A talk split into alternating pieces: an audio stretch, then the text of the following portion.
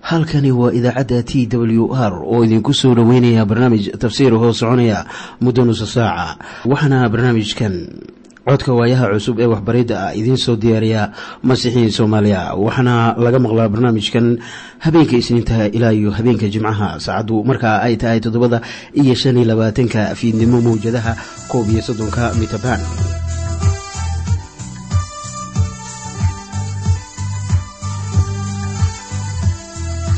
sareyow masiixow samawadaha guudow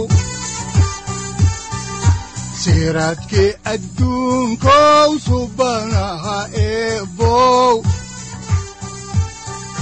sareyow masiixow samawadaha guudow siraadkii adduunkow subanaha ku soo dhowaada dhegaystayaal barnaamijkeenna dhammaantiinba. Waxaan horay u sii ambaqaadi doonnaa daraasaadkii la magac baxay baibalka dhammaantii. Waxaannu caawa idiin sii wadi doonnaa cutubka afar iyo labaatanaad ee injiilka sida luukas uu qoray ah.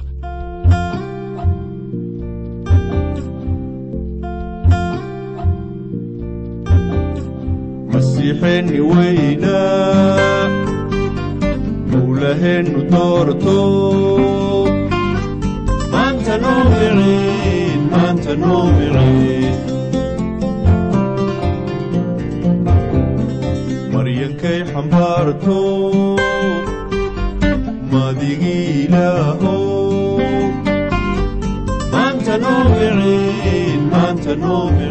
markii noogu dambaysay waxaannu ka hadlaynay dadka qaar ay la tahay in injiilada ay ku kala duwan yihiin marka ay joogto aaskii sayid ciise masiix. Laakiin daraasaad la sameeyey ayaa si caddaan ah u muujinaya in injiiladu ayan iska hor imaanaynin. Laakiin qoraa waliba uu qorayo xaal gaar ah oo ka duwan waxa kan kale ama kuwa kale ay qorayaan haddaan horay idinku sii ambaqaadno injiilka sida luukas uu u qoray ee cutubka afar iyo labaatanaad ayaannu haatan eegaynaa aayadaha sagaal ilaa toban waxaana qoran sida tan. Wayna ka soo noqdeen xabaashii oo waxaas oo dhan ayay u sheegeen kow iyo tobankii iyo kuwii kale oo dhan. Waxay ahaayeen maryantii reer magdala iyo yo'ana iyo maryan oo ahayd yacquub hooyadii dumarkii kalena oo la jiray ayaa waxaasi rasuulladii u sheegay. Waxay kula noqonaysaa in rasuulladu ay aad ula yaabeen waxa dumarku ay u sheegayeen. Laakiin waxaad ogaataa sida ay uga jawaabeen. Haddaan horay u sii ambaqaadno kitaabka ayaa waxaa ku qoran aayadda kow iyo tobanaad sida tan. Hadalladaas waxay la noqdeen wax aan micno lahayn wayna rumaysan waayeen waxay kula noqonaysaa in haweenka loo qaadanayo markhaati sugan oo waxa ay arkeenna la aqbalayo. Haddaba kuwii aan rumaynin sarakicidda ee u horreeyey waxay ahaayeen rasuullada qudhooda weliba sayidkeennu wuxuu iyaga ugu celceliyey waxaa imaan doona markii uu dhinto iyo sarakicidda haddaan horay u sii ambaqaadno xigashada ayaannu eegaynaa cutubka afar iyo labaatanaad aayadda laba iyo tobanaad waxaana qoran sida tan. Laakiin butros ayaa kacay oo xabaashii u orday. Markaasuu foorarsaday oo wuxuu arkay maryihii keligood oo meel yaal. Markaasuu ka tegey oo gurigiisii ku noqday isagoo ka yaaban wixii dhacay. Simon butros wuxuu maankiisa ka saaray xaqiiqooyinkii la hor keenay oo dhan intaannu go'aan ka gaarin wixii dhacay. Ilama ahan inuu ahaa maskax ahaan mid dhiifoon sida rasuul yooxanaa oo kale. Yooxanaa wuxuu inoogu sheegayaa injiilkii uu qoray in markii uu aaday qabriga oo uu fiiriyey markaas uu rumaystay. Yooxanaa wuxuu ku qancay isla markiiba in sayidkii uu saro kacay laakiin simon butros waxay ahayd inuu xoogaa ka fakaro waxaannu haatan eegaynaa ciise masiix oo ku sii socday waddada emo'as oo isku muujinaya laba ka mid ah xertiisa. Haatan waxaynu soo gaarnay waddada emo'as haddaba waddada emo'as waxay noqotay mid xiise leh wakhtigaas isaga ah. Waxaannu maqalnaa wax badan oo ku saabsan waddada yerixo loo maro laakiin waddadaasu waa tan aad ku dhacayso tuugada. Marka sidaas la leeyahay waxaa loola jeedaa in dadku ay ka hadlayaan reer samaariyihii wanaagsanaa oo caawiyey nin israa'iil ah oo ay tuuga dishay. Marka dadku waxay aalaaba ka hadlayaan ixsaanka ninka oo tusaale u noqotay dad badan. Waxaanse anigu dadka ku odhan lahaa war waxaad qaaddaan tubta emo'as halkaas oo aannu kula kulmayno sayidkeennii la sara kiciyey. Haddaan horay u sii soconno ayaa waxaa ku qoran injiilka sida luukas uu u qoray aayadda saddex iyo tobanaad ee cutubka afar iyo labaatanaad sida tan. Laba ka mid ah iyaga waxay maalintaasi qudheeda ku socdeen tuulo la odhan jiray emo'as tan yeruusaalem u jirtay lixdan istaadiyo waxaa su'aalo ay ka imaanayaan qiyaasta ay isku jiraan emo'as iyo yeruusaalem abbaaraha waxay noqonaysaa ilaa iyo toddoba mayl. Haddaan horay idinku sii wadno injiilka sida luukas uu u qoray cutubka afar iyo labaatanaad aayadaha afar iyo toban ilaa lix iyo toban waxaa qoran sida tan waxay ka wada hadlayeen wixii dhacay oo dhan oo waxay noqotay intay wada hadlayeen oo ay wax isweydinayeen in ciise qudhiisa uu u soo dhowaaday oo uu la socday. Laakiin waa la indha saabay si aanay u garanin. Sayidka ayaa labadii nin ku soo biiray kuwaasoo isaga ka hadlayey iyagu ma ayan arag sayidka oo waxaaba taa ka yaab badan inaanay rumaynin inuu dhimashadii ka sara kacay.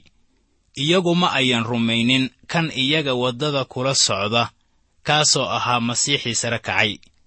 Haddaan soo koobo maba ayaan fiirinaynin wejigiisa.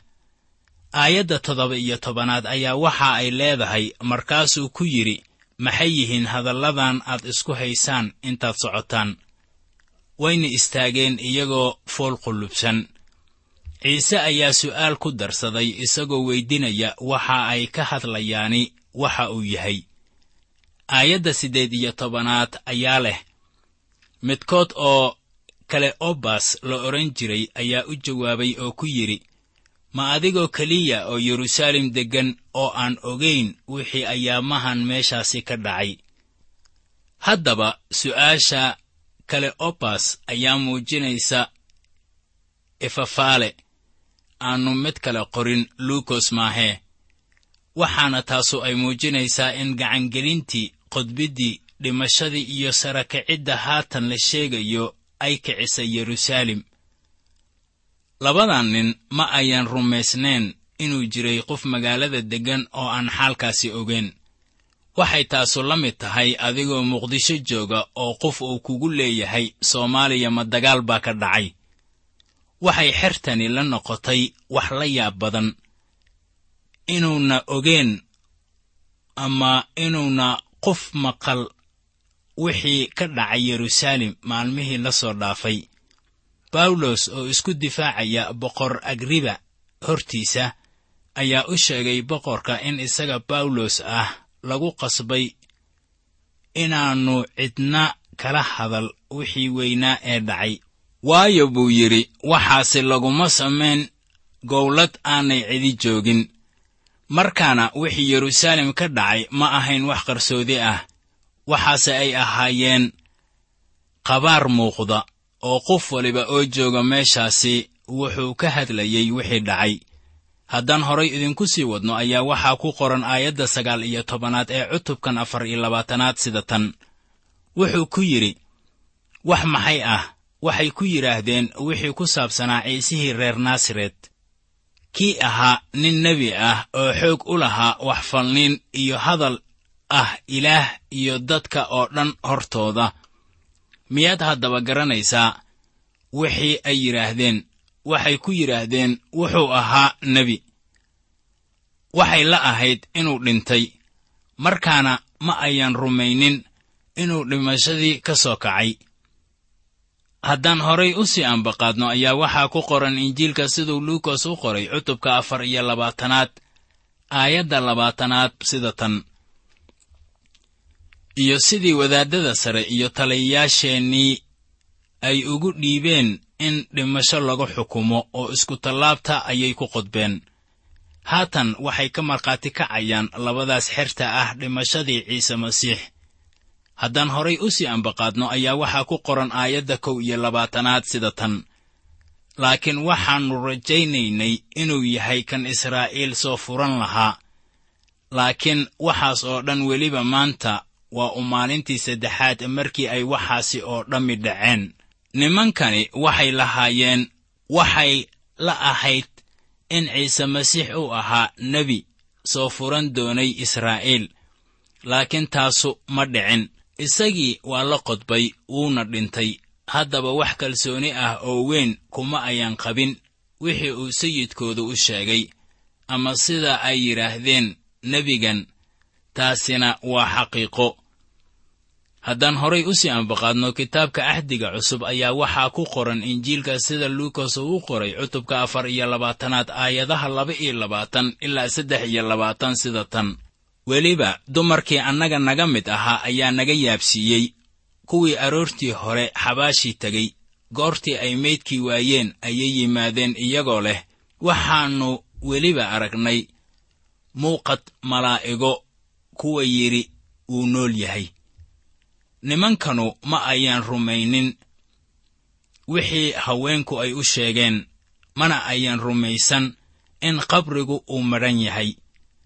Waxaad markaasi arki karaysaa sida aan loo rumaynin sarakicidda wakhtigaas laakiin weli xoogaa rajo ah ayaa laga leeyahay in iftiin uu imaan doono fikirka iyo fahamka labada nin. Haddaan horay idinku sii wadno wadaxaajoodka ayaannu eegaynaa aayadda afar iyo labaatanaad oo leh qaarkood oo nala joogay ayaa xabaashii tegay oo waxay arkeen sidii dumarku uu yidhi laakiin isagase ma ayan arkin. Laakiin markii ay qalbigoodii duuduuban rabeen ayaa waxaa yimid wax weli hakinaya oo waxay yidhaahdeen laakiin kuwii tegay xabaasha isagii ma ayan arag. Ma ayan garanaynin wixii dhacay laakiin jirkii baa la qaatay. Waxay u muuqataa inaanay doonaynin inay sharaxaad ka bixiyaan wixii dhacay xaqiiqadu waxay ahayd inaan ninna arag sayidka. Haddaan horay u sii ambaqaadno injiilka oo aan eegno aayadda shan iyo labaatanaad ee cutubka afar iyo labaatanaad waxaa qoran sida tan.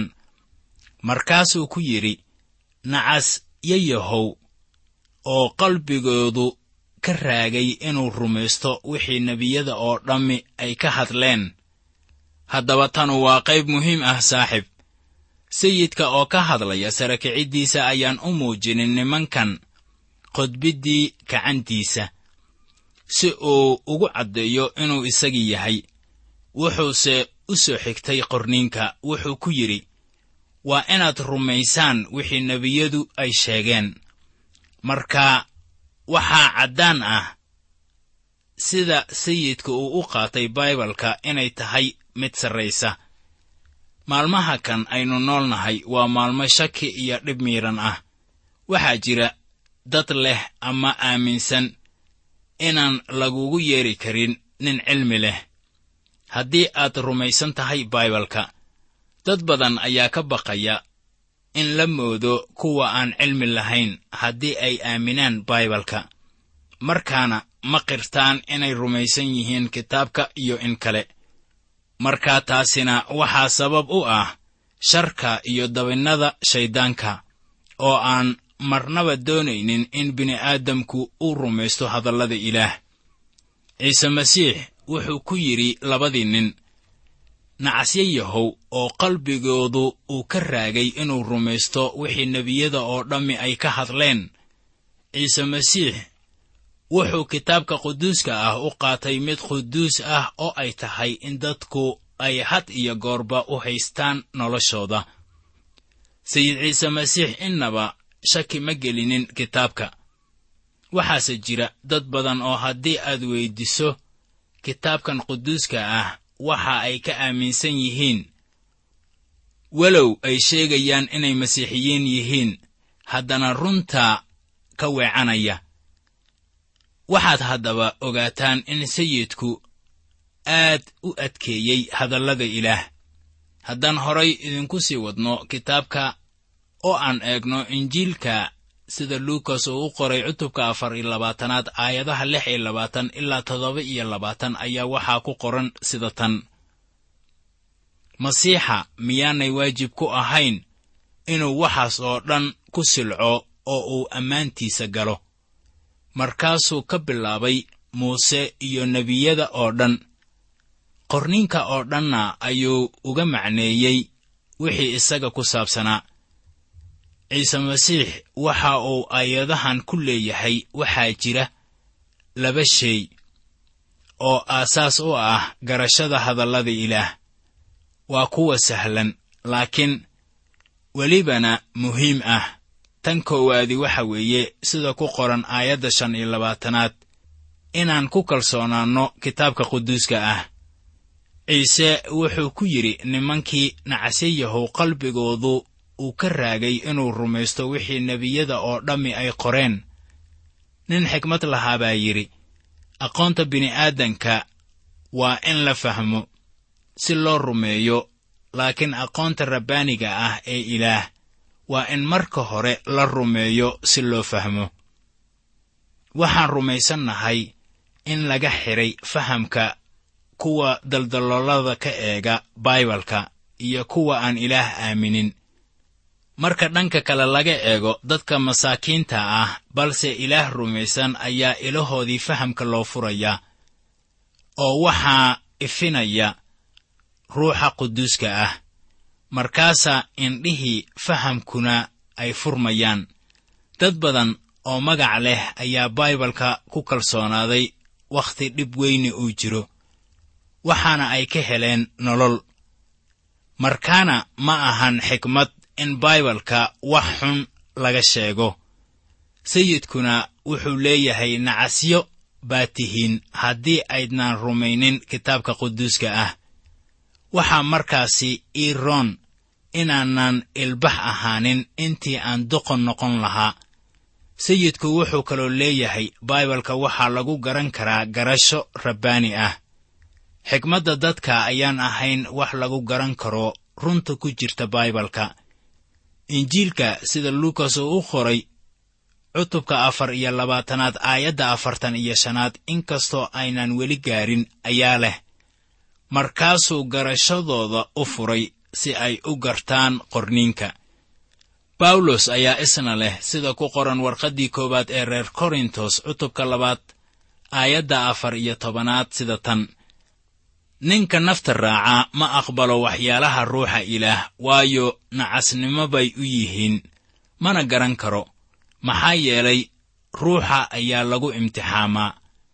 Haddaba waxaa jira waxyaabo durugsan oo ayaan dadku garan karaynin laakiin ruuxa ilaah oo keliya ayaa inoo muujin kara. Waa inaan la nimaadno dabeecad hoosaysa oo aan ugu soo dhowaanno hadallada ilaah. Marka inaad akhriso baibalka ayaan loo fasiran karaynin inaad garanayso hadallada ilaah. Ruuxa quduuska ah ee ilaah ayaa xaqiiqo inooga dhigaya. Haddaan ka soo xiganno injiilka luukos sida uu u qoray cutubka afar iyo labaatanaad aayadaha siddeed iyo labaatan ilaa kow iyo soddon ayaa waxaa qoran sida tan. Goortaasay ku soo dhowaadeen tuuladay ku socdeen isaguna wuxuu iska dhigay mid sii fogaanaya laakiin way oggolaysiiyeen iyagoo leh nala joog waayo maqribku waa dhow yahay maalintiina durbo waa dhammaatay. Markaasuu la galay inuu la joogo. Waxaa dhacay kolkuu cunto ula fadhiistay inuu kibista qaaday oo barakadeeyey oo intuu kala jijibiyey ayuu siiyey.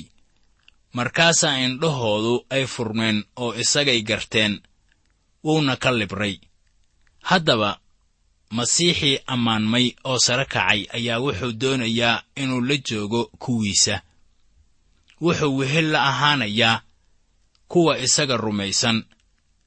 Wuxuu ka bilaabay muuse ilaa iyo nebiyadii markaana muuse iyo nebiyadii kale ayaa isaga ka hadlay.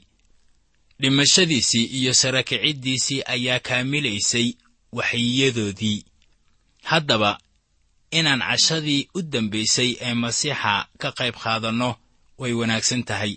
Mana jiraan wax inaga qaldan inaan xaflad ku samayno kiniisadda haddaan muusig ama kitaarado la dhegaysanaynin ama aan la daawanaynin saaxiriin amase aan riwaayado halkaasi laga eegaynin waxaa haddaba jira jadwal fara badan oo kiniisadaha qaar ay qoraan kuwaasoo halkii ka saaraya masiixa marka si loo helo wehelnimada ciise masiix waa in isagu uu joogo dhexdeenna oo kibistana uu noo jijebiyo waxaa taasi loola jeedaa waa inaan had iyo goorba wehelnimadeenna ama is-urursigeenna ka hadalnaa oo keliya. Masiixa iyo wixii uu ina faray haddaan horay u sii ambaqaadno kitaabka ayaa waxaa ku qoran injiilka sida luukas oo u qoray cutubka afar iyo labaatanaad aayadaha laba iyo soddon ilaa saddex iyo soddon sida tan. Markaasay isku yidhaahdeen miyaan qalbigeennu gubanin intuu jidka inagula hadlayey iyo intuu qorniinkii inoo furayey. Saacaddaas qudheeda ayay kaceen oo yeruusaalem ay ku noqdeen. Waxayna arkeen kow iyo tobankii iyo kuwii la jiray oo isku ururay. Inkastoo weliba ay goor dambe ahayd ayay haatan dhaqsadeen oy dib ugu noqdeen toddobadii mayl oo ay ku yimaadeen si ay warkan ula qaybsadaan jameecada inteeda kale. Haddaan horay idinku sii wadno injiilka ayaa waxaa ku qoran cutubka afar iyo labaatanaad aayadda afar iyo soddonaad sida tan iyagoo leh hubaal sayidku waa sare kacay oo wuxuu u muuqday simon. Sayid ciise wuxuu si shakhsi ahaaneed ugu muuqday simon butros waayo waxaa jiray wax ay ahayd inay ka wada hadlaan.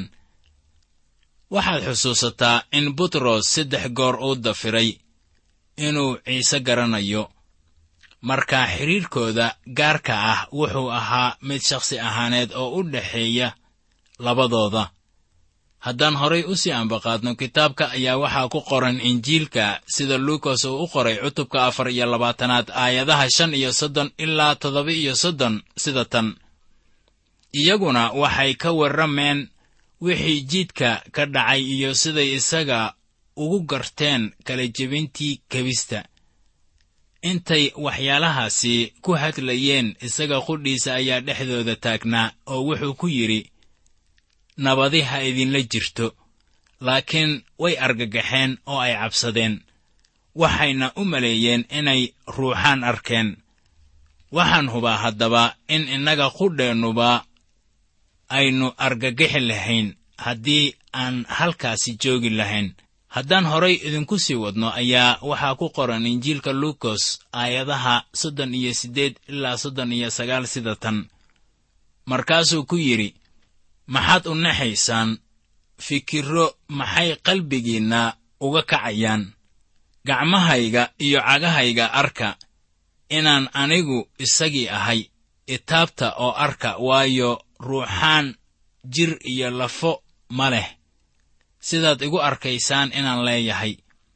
Dooni maayo inaan ka sii faalloodo xaalkan laakiin jidhkii ammaanmay ee sayidkeenna wuxuu ahaa jir iyo lafo.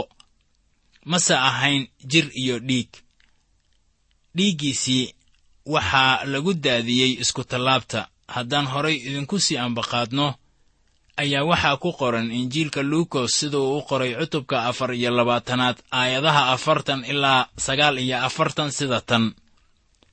Goortuu waxaasi yidhi ayuu tusay gacmihiisa iyo cagihiisa.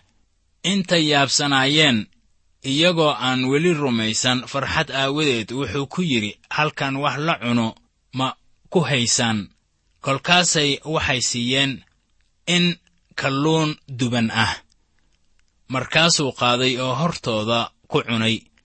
Wuxuu ku yidhi kuwani waa hadalladaydii aan idinkula hadlay intii aan weli idinla jiray. Waa inay noqdaan wax walba oo sharciga muuse iyo nebiyadii iyo zabuuradda laygaga qoray oo igu saabsanaa. Markaasuu garashadooda u furay si ay u gartaan qorniinka wuxuuna ku yidhi sidaasay u qoran tahay waa inuu masiixu silco oo uu maalinta saddexaadna kuwa dhintay ka soo saro kaco iyo in towbaddii iyo dembidhaafka magaciisa lagu wacdiyo qurumaha oo dhan oo laga bilaabo yeruusaalem. Idinkuna waxyaalahaas ayaad markhaati ka tihiin oo bal eega waxaan idiin soo dirayaa ballankii aabbahay laakiin magaalada jooga ilaa xoog laydinka huwiyo xagga sare. Haddaba dad yahow in masiixa loo markhaati furo waa wax uu inaga doonayo haddii aynu raacsannahay farriintuna waxa weeye in uu dhintay oo dabeetana dhimashadii uu ka sare kacay oo haddii lagu kalsoonaado dembiilayaasha waa la badbaadinayaa awoodda ciise masiix loogu markhaati furayo waa ruuxa quduuska ah maaddada ugu dambaysa ee cutubkan afar iyo labaatanaad oo ah cutubkii ugu dambeeyey ee injiilka sida luukas uu u qoray ayaa ka hadlaysa sama'aadistii ciise masiix iyo dabeecadda barakada kuwa isaga raacsan. Haddaan horay u sii ambaqaadno injiilka ayaannu eegaynaa cutubka afar iyo labaatanaad aayadaha konton ilaa kow iyo konton waxaana qoran sida tan markaasuu iyaga kaxeeyey ilaa meel ku dhow beytaaniya oo intuu gacmaha kor u qaaday ayuu barakadeeyey. Waxaa dhacay intuu barakadaynayey inuu ka tegey oo waxaa kor loogu qaaday samada. Ugu dambayntii xertii waxay arkeen sayidka oo sida dabeecaddiisu ahaydba barakadaynaya dadka. Markii uu yimaado wakhtiga xiga wuxuu u imaanayaa inuu dunidu xukumo wuxuuna xukumayaa kiniisadda wuxuuna u imaanayaa inuu ina barakadeeyo. Waa inaan ku sugno farxad weyn iyo rajo imaatinkiisa. Haddaan soo gunaanadno cutubka afar iyo labaatanaad ayaa waxaannu ku soo xiraynaa aayadaha laba iyo konton ilaa saddex iyo konton waxaana qoran sida tan. Markaasay isaga caabudeen oo waxay yeruusaalem kula noqdeen farxad weyn oo goor walbana macbuudka ayay ku jireen iyagoo ilaah ammaanaya haddaba waxaa halkan ku soo dhammaaday markhaati furkii ku qornaa injiilka sida luukas uu u qoray. Waxaan ku kalsoonnahay inay barako ku ahayd. Niyaddayda waa la barakadeeyey. Maankaygana waxaa lagu shubay hodantinnimo doonistaydiina way xoogaysatay waayo waxaan bartay mar kale injiilkan wacan ee luukos. Waxaanan doonayaa inaan aad u sii ogaado waxaan rajaynayaa in adigana aad sidaasi u faa'iiday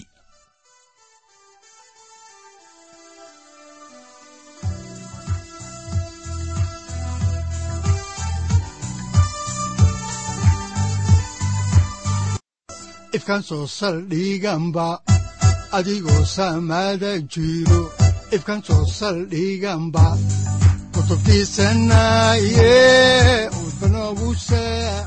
halkani waa t w r idaacadda t w r oo idinku leh ilaa ha idin barakeeyo oo ha idinku anfaco wixii aad caawi ka maqasheen barnaamijka. Waxaa barnaamijkan oo kalea aad ka maqli doontaan habeen dambe hadahan oo kale isla mawjaddan koob iyo soddonka